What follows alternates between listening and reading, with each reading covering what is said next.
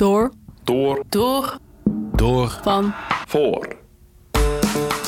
Van voor. Door. Van. Voor. Voor. Voor. Voor. Van. Door. Door. Van. Voor. Voor. Voor. Door. Door. Door. Door. Van. Voor. Je luistert naar de podcast Door van Voor. Co-creatie of participatie betekent intensief samenwerken met het publiek. Dit is een van de manieren waarop musea, bibliotheken, theaters, orkesten en andere culturele instellingen proberen om de samenhang tussen cultuur en maatschappij te vergroten. Dit is niet makkelijk. Door van Voor gaat op bezoek bij mensen die samen met bewoners, voorbijgangers of bezoekers een eigen invulling geven aan co-creatie. Mensen die misschien het woord co-creatie helemaal niet kennen, maar die zich gewoon aanpassen aan wat er speelt in hun buurt. In deze serie gaan we op zoek naar verschillende antwoorden op de vraag: hoe werk je samen met je publiek? En wat is er eigenlijk voor nodig om een co-creatieproject op te zetten en te laten slagen? Met een kleine groep pioniers trekken we door het land op zoek naar plekken waar co-creatie op een natuurlijke manier plaatsvindt. Ik ben Joost, jullie gids. We zijn vandaag in Tilburg. Doe men in de Mexicano en een Friese thee. Een lihamboutje en een kaassoufflé. Vijf Naast het kenmerkende Tilburgse accent en Ferry van de Zaande denk ik bij Tilburg aan de textielindustrie, aan Schrobbeler, aan Willem II, aan Guus Meeuwis en aan Interpolis. En natuurlijk aan carnaval. Of carnaval. En een grote friet speciaal met dubbel machineer. Hey. Maar Tilburg gaat ook met zijn tijd mee. Tilburg heeft de ruïnes van de oude industrie opnieuw opgebouwd, nieuwe functies gegeven en ingesloten in het centrum van de stad. We gaan vandaag zien hoe de industrie de stad en de Tilburgers blijvend heeft gevormd.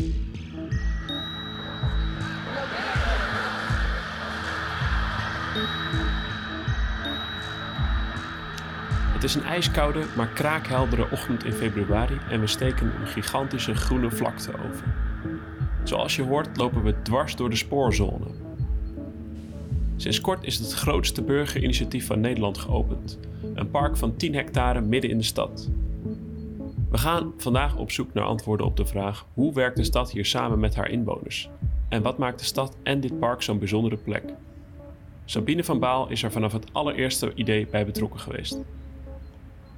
Nou, dit theehuis is ook nog redelijk lelijk van buiten, maar dat wordt ook al steeds mooier van binnen. Dat is overigens wel kenmerkend aan Tilburg. We zijn lelijk van buiten, maar heel mooi van binnen. We staan nu dus in het spoorpark en ehm, voor het theehuis, eh, om er precies te zijn. Een theehuis is eh, echt de meest toffe eh, huiskamer van dit moment, denk ik wel, van Tilburg in het park. En het park is onderdeel van de spoorzone. En dit is eigenlijk plan 3 van de spoorzone. Dus het bestaat eigenlijk uit drie onderdelen. En dit is het park wat uiteindelijk gevuld is door initiatieven vanuit de stad. Dus dit wordt ook wel genoemd het grootste burgerinitiatief van het land. Eh, daar zie je ook, eh, want dit is het Vergent en terrein, even eh, als het gaat over erfgoed. Hè. Dit is een oud terrein, een, oud rangeerterrein voor de spoorzone destijds. Hier werden dus al die grote containers over gerangeerd.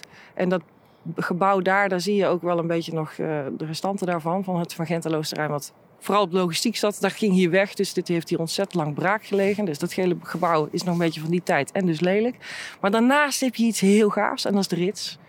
En die is gemaakt door Marieke, Marieke Vromans, die ook hier is vandaag. Dus in de zomer is het hier afgeleid vol en heel gaaf. Want dan zitten hier ook allemaal op die terras. Hè, want het loopt een beetje zo tegen de sporen aan. En daar met, met terrasvorming. Dus zitten al die mensen zo heel fijn onder elkaar eh, te chillen. En dan is het Dat klinkt veelbelovend. Straks lopen we een rondje door het park om alles wat beter te bekijken. Maar eerst, om te begrijpen hoe dit gigantische project zich heeft kunnen ontwikkelen, moeten we wat meer weten over de Tilburger.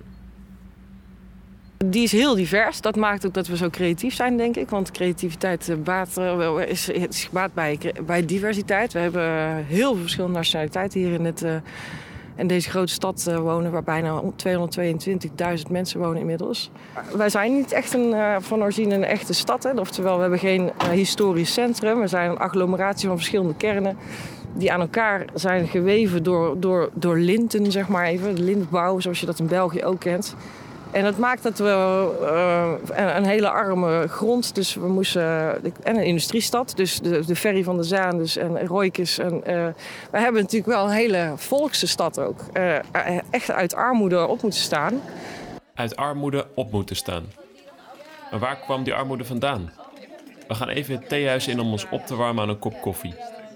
Gijs Baks is collega van Sabine en weet alles over de teloorgang en de wederopstanding van de Wolstad. Eind jaren 60, begin jaren 70 uh, verdween uh, de industrie uit de stad. Ik ben de zoon van een uh, textielarbeider, dus ik heb die teloorgang ook, ook van nabij meegemaakt met alle ellende van dien. Maar er was ook nog iets anders in de stad, namelijk het was zo lelijk als me zijn kon. Grote fabrieksterreinen, complexen de kerken die uh, ontvolkten. Dus in de jaren 70 lag de stad plat. En voor een tiener en begin twintiger, zoals ik in die jaren was, was er geen zak te beleven. Wat er gebeurde is dat de stad heel snel schakelde, zonder Europese subsidies of wat dan ook, op een visie van we moeten andere industrie aantrekken, we moeten andere bedrijvigheid aantrekken. Uh, en het idee was, uh, we gaan het onderwijs uh, versterken. Nou, is de universiteit en, en nu Fontes geworden. We zorgen ervoor dat er verzekeringsmaatschappijen en, en banken naar de stad komen. Er kwam een centrum van de Rabobank, van de AMRO de stad in. En wat betekende dat? Er kwamen ook heel andere mensen de stad in. Dus de, de Tilburger, die, is bijna homeopathische verdunning zeg ik als maar de Tilburger die uh, vermengde met een hele nieuwe groep mensen. En met name ook die studenten, die werden heel belangrijk. Maar wat gebeurde er? Eind jaren 70, uh, eh, grote crisis. Alle jonge mensen die zaten thuis. En we hebben toen het fenomeen gekregen werken met behoud van uitkering. En dat heeft ontzettend veel nieuwe initiatieven de stad ingebracht. Paradox is een van de beste jazzpodia. Is zo ontstaan. 013, nu het poppodium, is vanuit die situatie uh, ontstaan. En het waren allemaal jonge gasten die met elkaar aan het samenwerken waren. De bovenlaag, de textielbaronnen, die verdwenen langzamerhand uit het zicht. En op dat moment kwam er ook een hele andere uh, energie de stad in. Dus dat is ook precies wat, uh, wat Lucie net uh, weergegeven heeft. En dat heeft volgens mij er ook vooral voor gezorgd dat we nu in een stad zitten waar dat DNA van samenwerken en elkaar opzoeken, snel schakelen ook. dat zit eigenlijk als een soort van nieuw DNA in de stad. Dus die teloorgang heeft ook de Tilburger gevormd. We blijven nog even in het theehuis. Zonder de financiële crisis van 2008 was dit gebied al lang volgebouwd met hoge flats. In 2015 gaf de gemeente Tilburg de regie voor de moeizame ontwikkeling van het spoorpark uit handen. Er werd een onafhankelijke regiegroep opgericht die de samenwerking ging zoeken met de burgers. Ze besloten een wedstrijd uit te schrijven waarin plotseling 80 initiatieven werden opgestuurd. Dat hadden ze niet verwacht. Uiteindelijk werden er acht plannen gekozen en werden deze inwoners kwartiermaker van het park. Een van de kwartiermakers is Lucy Bathgate. Ze miste in de stad Tilburg het water. Haar plan om het water terug te brengen in de stad werd uitgekozen. Straks lopen we verder door het park en laat ze ons zien hoe het water na honderden jaren terug is in de stad. Eerst neemt ze ons mee naar de totstandkoming van het project. Het eerste moment weet ik nog heel goed toen wij, toen wij aan, aan zet waren waren we met z'n achten, we kenden elkaar niet, werden we uitgelegd door die onafhankelijke regiegroep. Die werden aan ons voorgesteld. En ook weer in alle wijsheid kregen wij drie adviseurs. Een ondernemersadviseur, een, uh, een ruimtelijke adviseur, dus een architect, en een procesregisseur. En toen ging die regiegroep, ging iedereen uit de kring weg en waren wij plotseling met z'n achten de binnenste kring. En ze zeiden, ja, bepalen jullie het maar. En vanaf die tijd hebben wij bepaald hoe wij samenwerkten, we hebben deskundigheid bij elkaar geplukt van mensen die bijvoorbeeld in de gemeente werkten en die wisten waar elk dakvlak op afwaterde. Die inzichten van die eh, co-creatie, vanaf dat moment, vanaf de tweede bijeenkomst, heb ik zoiets: ik wil nooit meer anders werken. Want moet je voorstellen, we zitten met zo'n groep zoals nu. En uh, niet allemaal vanuit de musea, maar juist wat jij zegt, ook met verschillende brillen. Die kwamen bij elkaar we hebben gewandeld, we hebben getekend. Waar zijn de kansen voor het water? Wij zijn aan het eind van die snelkookzomer gekomen met een, uh, een plan, zeg maar, een vlekkenplan. Een, een soort programma van eisen. Daar is een eh, architectenkeuze, landschapsarchitectenkeuze op gebaseerd. Die, dat is een plan uitgewerkt, een bestek uitgewerkt. Daarvoor was professionele hulp. eh, daarmee zijn we naar de gemeenteraad gegaan, hebben 5,3 miljoen gevraagd als, als groep. We het was een heel spannend moment. Inmiddels hadden wij zelf meer dan 3 miljoen. We kijken niet in elkaars portemonnee. We weten het niet, maar dit is gewoon particulier initiatief. Al die dingen. Ook het water is voor een groot deel, dus wel met publiek geld, maar wel eh, verzameld. In die verhouding van je doet het ook zelf. Je, je realiseert mee. Dus het is echt co-creatie. Dus publieke middelen, eh, private middelen. Zoiets werkt niet zomaar. Lucie somt op wat de voorwaarden zijn van een succesvolle samenwerking op deze manier. ontwikkelruimte. Waar je dus eh, je kennis bij elkaar kan brengen. En dan heb je dus ook daarin een onafhankelijke. eh, dat is bij ons ook gebeurd. We hebben een onafhankelijke regiegroep gekregen. Dus vanuit de voorlopers van dit initiatief, wat er al was, is in alle wijsheid eh, besloten of aangeraden: maak een onafhankelijke regiegroep, los van beleid en belangen. En die onafhankelijke regiegroep heeft op de website Tilburg zet gezet. Dit en dit en dit zijn de spelregels. Een van de belangrijkste was ondernemerschap. Maar die spelregels waren heel transparant op de website gezet. Je wist van tevoren, wij zijn allemaal, al die acht uit die 82 ideeën, geselecteerd omdat wij volgens mij ondernemerschap hebben. Of we nou ondernemer zijn of niet, we hebben ze allemaal dat, dat gen zeg maar, in ons. Mooie woorden, maar het wordt nu tijd om het park eens wat beter te gaan bekijken. Nadat we ons worstenbroodje op hebben, lopen we terug de kou in. Lucie en Dirk leiden ons rond in het spoorpark. Je mag naar buiten. Ik mag naar buiten! Hey! En elke keer als ik hier ben, merk ik dus dat mijn mondhoeken die gaan geleidelijk aan gedurende de dag steeds hoger. Een heel apart fenomeen. Maar dat zullen jullie ook merken. Meet maar op. Je, je ziet nu eh, aan, de, aan de ene kant zie je een kleine pool die helemaal oranje is van het ijzer. Maar wat ik hier aan deze kant zie, dus die pool stroomt over in een klein stroompje, wat voortdurend stroomt, in een glanzende groene vallei. In elke struik, er is ook mee- meegedacht, elke boom, over de doelsoorten. Want eh, dus, eh, de, bijvoorbeeld, er zitten langs het water waar we straks langskomen drie knotwilligen. Doelsoorten zijn uilen en vleermuizen.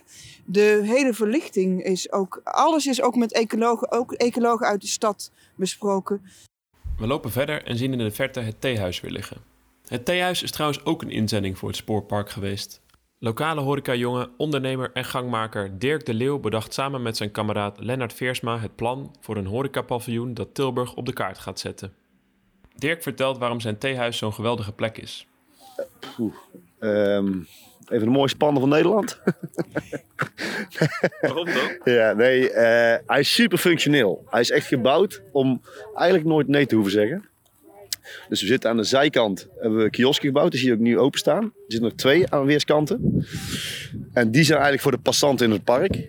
Dus eh, als wij bij spreken hier aan een bankje willen zitten aan de overkant van het water, dan kun je daar nog steeds taco's of een eh, picknickmand halen. Voordat het spoorpark Spoorpark werd, waren de eerste gebruikers er al neergestreken. Het park werd toen illegaal bewoond door een groep kampeerders. In plaats van ze weg te jagen, heeft de gemeente hun gevraagd een plan te maken voor het park. Een nieuwe kwartiermaker was geboren. Nu is daar een complete camping midden in het park. Een andere groep vaste gebruikers van het park waren de skaters. Dirk legt uit hoe die ook werden ingesloten in het park. Dit is een van de, eh, wat, ik heel tof vind binnen het park. Dit zijn dus jongens die zelf dit eigenlijk gemist hebben in de stad. Dus een openbare skateplek eh, en urban sports. Dus vooral met die stepjes en BMX. Dat is dit eigenlijk specifiek voor gebouwd. Het is echt wel een BMX-baantje. Ze gaan er met van alles op en af. En we hebben hier een skateball. Ze hebben volgens mij nog eh, wildere plannen, want ze wilden eigenlijk gaan boulderen. Dus een beetje klimmen. En daarom is het echt het urban sport.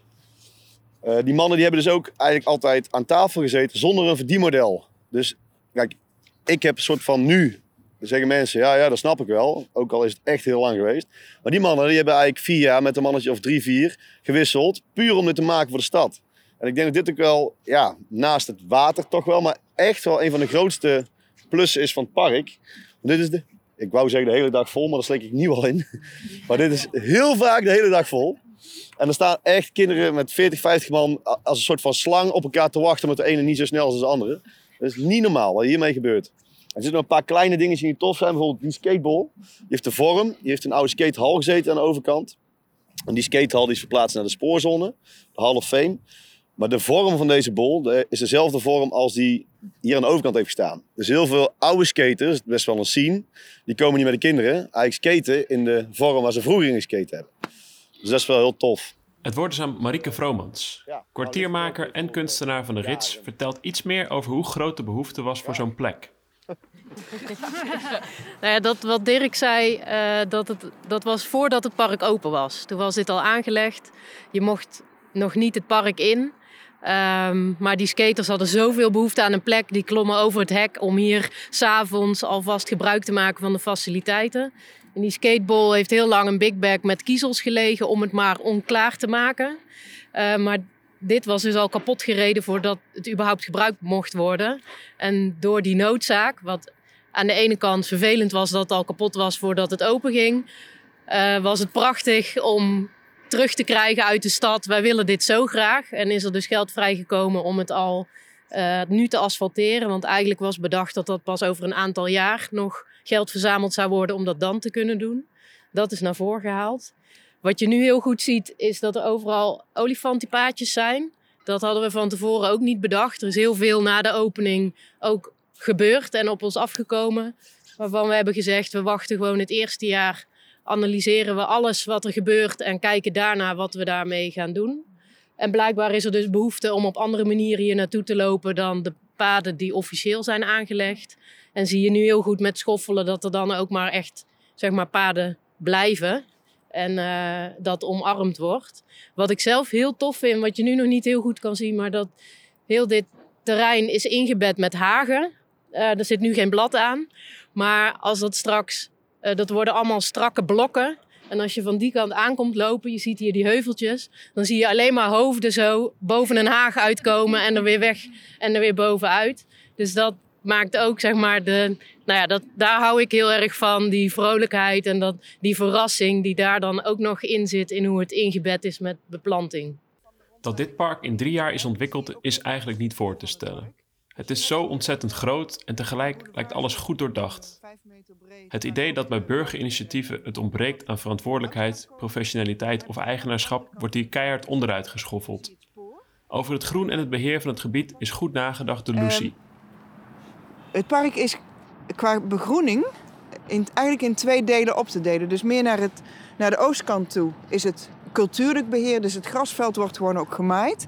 Maar deze helling, dat is ecologisch beheer. Nu is hij gemaaid, dus één keer per jaar wordt een deel gemaaid. En dan eh, wordt, blijft het een maaisel een paar dagen liggen, maar wordt het wel afgevoerd. Waardoor het, eh, het blijft arm. En, en, en het wordt niet een, een wei met eh, vette, vet gras en brandnetels en noem maar op. Het wordt een, een arme wei. En je ziet hier ook, dus meer naar de westkant toe, is ook het ecologisch beheer. Dus dat bosje wat, we daar, wat daar is, was er, is spontaan opgekomen in de vorige periode. Toen het hier nog van Gent en Loostrein was. Daar hebben wij in overleg met de ecologen helemaal met rust gelaten. We hebben zoveel mogelijk ongeroerde grond. Uh, uh, soms drie keer per dag wordt afval opgeruimd. Dat doen we allemaal zelf met vrijwilligers. En die inzet is geweldig. Ja. In het regeerakkoord van Rutte 3 wordt een nieuw recht benoemd: het uitdagenrecht. Het moet burgers stimuleren de overheid te laten zien dat ze publieke taken beter, effectiever of sneller kunnen uitvoeren. De gemeente Tilburg loopt hiermee voorop en heeft het experimentele uitdagenrecht echt handen en voeten gegeven. De ontwikkeling van de spoorzone heeft Tilburg op de kaart gezet. Het ontwerp van het spoorpark is echt geënt op het DNA van de Tilburger. Het is autonoom en vindingrijk en daarmee echt een park voor de hele stad. Niets meer, niets minder. En zoals Sabine al zei, wat wij doen is gewoon samenwerken.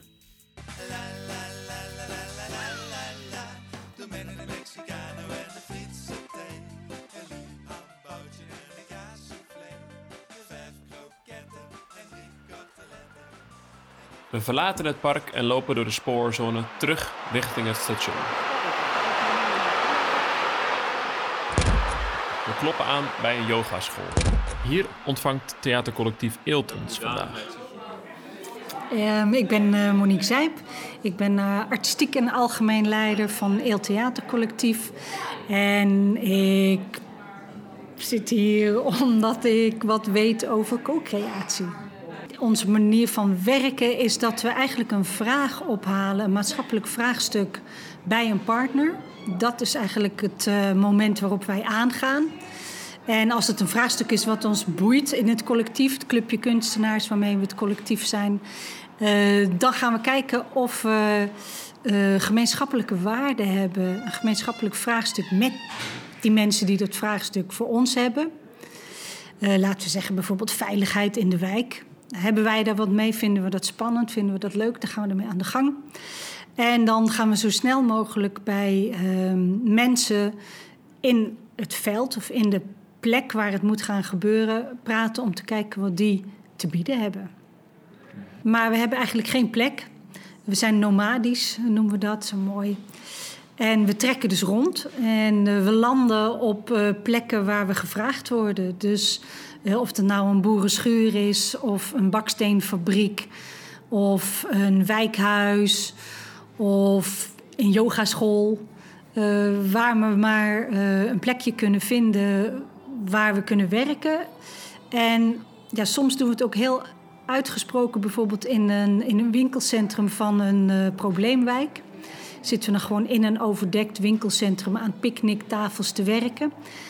En wat je dan bereikt is dat mensen uit de buurt zien hoeveel tijd je besteedt en hoeveel moeite je besteedt aan iets wat misschien heel uh, ja, niet zo waardevol lijkt in eerste instantie als kunst. Veel mensen vinden kunst niet zo waardevol.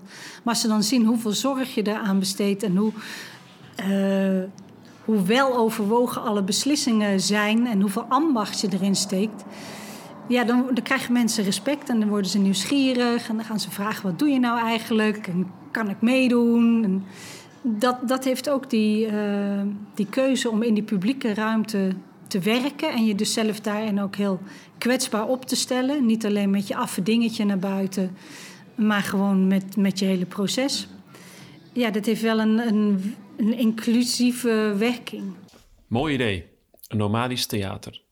Eelt noemt zichzelf leverancier van creatieve energie. Dat leveren ze bijvoorbeeld bij de opening van de Lokhal, een oude locomotieve hal van de NS die nu is getransformeerd tot bibliotheek. Met 100 muzikanten vieren ze hier de opening en de transitie van de stad. Of ze maken samen met inwoners een bladblazerssymfonie. Klinkt natuurlijk fantastisch, maar van wie komen deze ideeën en hoe begin je zo'n project? Ah, misschien is uh, Wind daar wel een leuk voorbeeld van. Uh, iedereen ziet natuurlijk om zich heen die grote windmolens in het landschap verschijnen. Dat kun je niet niet zien. Ik zie dat ook. En uh, op weg naar Tilburg, Eindhoven, daartussenin staan er drie vlak langs de grote weg. En aan die windmolens er zit altijd een grote trap. En dat, dat ziet iedereen ook. Maar als je als theatermaker naar een trap kijkt, dan zie je een trapscène. Dan zie je Romeo en Julia, dan zie je Julia boven staan, Romeo beneden. En een en al liefde en uh, ja, romantiek. Maar dat gebeurt bij die molens helemaal niet. En dat zou dus prachtig zijn. Daar worden dus eindeloos veel trappen gemaakt... waar overal theater bij gemaakt kan worden in Nederland. En niemand doet het. Dus dat was zo'n idee waar ik mee uh, in mijn hoofd zat van... daar moet ooit eens iets mee. Op een gegeven moment kom je toevalligerwijs bij een groep boeren... die windmolens gebouwd hebben...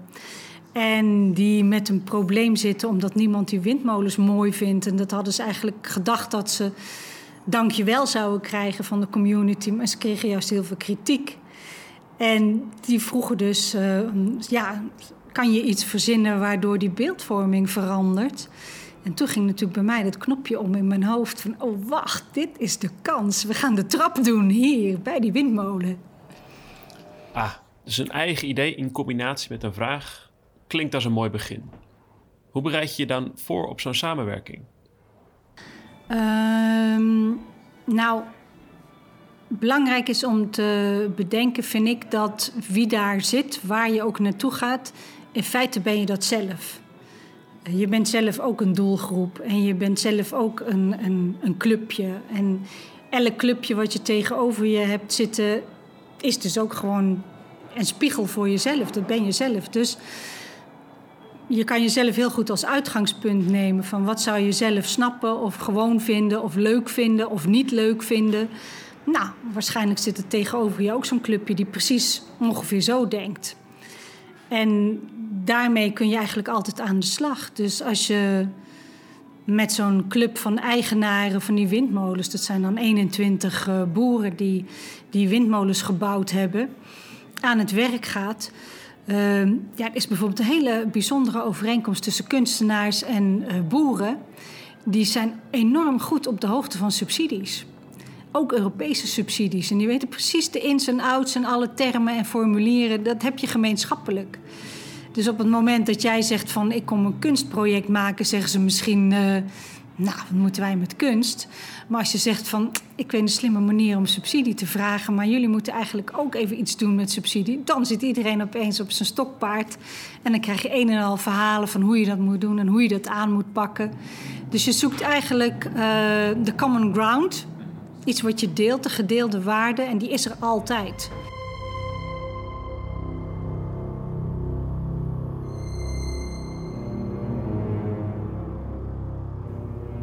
Op zoek naar overeenkomsten en niet naar verschillen. Het klinkt zo logisch, maar het gebeurt lang niet overal. Pogingen van de gemeente om de inwoners van probleemwijk Tilburg Noord te spreken verliepen moeizaam. Totdat Eelt zich ontfermde over de wijk. Ze gingen in de Sibeliusstraat op zoek naar wat al die verschillende inwoners overeenkomen. En dat blijkt de naam van de straat te zijn, de Sibeliusstraat. Niemand die daar woont weet wie hij was. Ze gebruikten de muziek van de Finse componist om de mensen naar buiten te lokken en elkaar te laten ontmoeten. Met de Sibelius-mobiel maakten ze muziek en trokken ze door de straat. En het werkte, mensen kwamen naar buiten. De manier van werken van Eelt is tijdrovend en soms bijna omslachtig, maar juist die omslachtigheid zorgt dat het werkt. Er wordt natuurlijk geflyerd voor allerlei onderwerpen en voor allerlei uh, evenementen. Dan uh, schud je bijvoorbeeld 50.000 flyers in een wijk. En dan krijg je een rendement van nog geen procent. Van mensen die op de flyer naar een evenementje komen in de wijk. Ja, dat is niet duur eigenlijk, want die flyers kosten geen drol. Maar um, je hebt ook heel weinig uh, effect. En waar wij dus tegen ontdekt hebben, is dat we, um, als je maar juist iets zo omslachtig mogelijk doet, dan heb je eigenlijk een veel groter effect. Dus het omslachtige, uh, het van hot naar her door een wijk trekken met een onhandig voorwerp waarmee je iedereen persoonlijk gaat aanspreken, met iedereen een praatje maakt en daar maanden mee bezig bent en uh, ook natuurlijk regelmatig nee uh, treft. Dan blijkt dat uh, in die wijk waar die 50.000 folders dat effect hadden, dat wij uh, met onze werkwijze een derde van de voordeuren open kregen, wat nog nooit vertoond was. En dan bij die een derde van de voordeuren hebben we met alle mensen een gesprekje. En komen er ook nog eens meer dan de helft van die mensen naar buiten om naar ons voorstellingje te kijken. Nou ja, daar likken grote gezelschappen hun vingers bij af bij zo'n uh, effect. Ja. Wat wij uh, bij één project gedaan hebben bij Sibelius aan de voordeur, is steeds uh, mensen uit die ambtelijke organisatie meenemen. Uh, mee een rol geven in ons protocol. En hun één voor één, elke avond iemand anders, weer opnieuw het stuk uitleggen, weer die ervaring geven. zodat zij ook, al is het maar één dag, langs die deuren komen en ja, de magie ervaren van wat daar in het echt gebeurt. Ja, dat kan mensen energie geven of nieuwe inzichten of een soort eye-opener zijn van oh wacht, uh, hier gebeurt het ook of hier gebeurt het meer of hier gebeurt het anders. Voordat je door de ogen van anderen kan kijken, moet je dus eerst goed door je eigen ogen leren kijken. Zo zag Monique ineens de overeenkomsten tussen boeren en kunstenaars. En vanuit die overeenkomsten is het makkelijker om contact te maken. Net als Sabine in Spoorpark werkt Monique op haar eigen manier vanuit de locatie. Ze bleven niet hangen bij het idee het moet anders en het moet beter. Nee, ze namen het heft in eigen hand. Sabine vat het nog één keer samen. Dus dat is las- lastig te duiden, maar ik denk dat het hem wel zit op authenticiteit. Ik denk dat je mensen zich hier heel erg eh, vrij en thuis voelen. Dat deed die koning Willem II trouwens ook. Hè? Ik kwam hier naartoe en hier adem ik vrij, was een leuze. Ik denk dat dat ook wel is. Dus de vrijheid, ik voel die ook wel heel sterk hier. Waar, waar dat dan precies in zit, weet ik niet. Gewoon de vrijheid jezelf te kunnen zijn. Doe me normaal, hè? doe dan gek genoeg. Door. Door. Door. Door. Van. Voor. Van voor. Door. Van. Voor. Voor. Voor. Voor. Van. Door. Door. Van. Voor. Voor. Voor. Door. Door. Door. Door. Van. Voor. Dit was de tweede aflevering van Door van Voor, een podcast van het Stedelijk Museum Schiedam. Aan deze aflevering werkten mee Diewertje Wijsmuller, Dorien Teuns, Sabine van Baal en Monique Sijp. De muziek werd gemaakt door Nicky Liebrechts, Ferry van de Zaande en de tune is gemaakt door Sounds bij Thomas. En mijn naam is Joost Dingemans. Tot de volgende keer.